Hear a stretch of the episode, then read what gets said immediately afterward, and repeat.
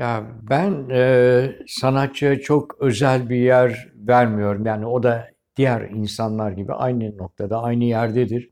Ne üstünde ne altındadır ama onun eseriyle bir etkinlik alanı e, oluşturacağını düşünürsek ki bu gerçekte böyledir.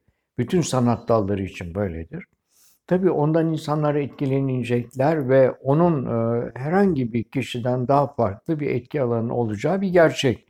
Şimdi e, bu etki alanı sanatçının içsel, ruhsal e, eğilimlerini, yaşam biçimini, etkilendiği olayları anlatmaktan doğan bir e, bir durum olabilir. Yani onun yaşam deneylerinden insanlar yararlanabilir. Onun bakış açısından dünyaya bakmak ilginç gelebilir.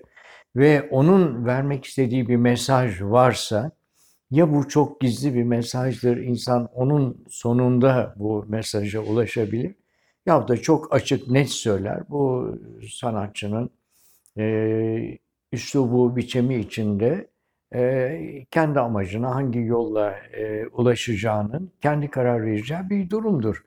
Ama her eserin mutlaka temelinde anlattığı bir şeyler vardır. Evet yani her eserin mutlaka bir anlatacağı bir şey vardır. Hiçbir şey anlatmasa bile onun havası bir şeyler anlatır. O e, sözcüklerin yan yana gelmesi ya da renklerin yan yana gelmesi, ezgilerin yan yana gelmesi mutlaka bazı duyguların karşılığı olacaktır.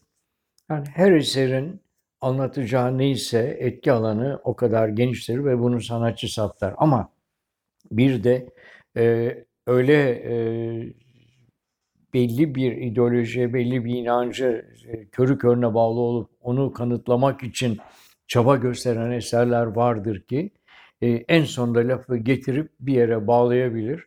Bir ideolojinin, bir görüşün e, bunlar savunucularıdır. Yani ben e, o şekilde bir eserin böyle insanın başına tokmakla vurur gibi bir düşünceyi, bir görüşü kabul ettirmek için çaba görmesinin e, sanat eseriyle çok bağdaşacağı kanısında değilim. Yani hissettirmeden gizlice, yavaş yavaş zaten kendisini anlatmaktır. E, bir sanat eserinin en büyük e, e, etki alanlarından biri de, amaçlarından biri de. Ama orada da şuna dikkat etmek lazım. Mesela yanlış bir yargı var genellikle insanlarda. Diyorlar ki işte sanatçı mutluysa mutluluğu anlatır, onun resmini yapar. E, sıkıntılıysa, dertliyse, hüzünlüyse onu anlatır. Oysa tam tersi. Bu e, bence yanlış bir sanı. Bunun tam tersi sanatçı eseriyle yaşamını dengeler. Çünkü mesela Schiller sevgiye övgüyü yazdığı zaman hayatının en acı, en dramatik, karanlık anlarından biriydi. Oysa e, Schiller'in bu eseri yaşam sevinci doludur. Yaşamaya çok sıcak, sevgi dolu gözlerle bakar. O kendi içindeki denge, huzursuzluğu bu yaşam sevinciyle de, dengelemeye çalışmıştır bence. Bunu pek çok örnekle kanıtlamak mümkün.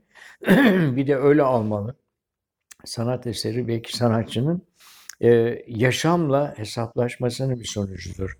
Kendini ayakta tutabilmek için, direnebilmek için, kendini yeniden var edebilmek, sorunların üzerine çıkabilmek için ya da yani çok mutluysa ve belki kendisine dur bakalım bir de kendi aklını başına topla demesi için yani bir yoldur. O yüzden e, sanat eserine böyle bir e, şey gibi e, nutuk verir gibi, şey vaaz verir gibi ille bu böyledir, şudur diye e, girdiğiniz zaman belki o sanat eserinin etki alanı daralıyor demektir. O yüzden her eserin anlatacağı bir şey vardır. Mesaj yerini bulur.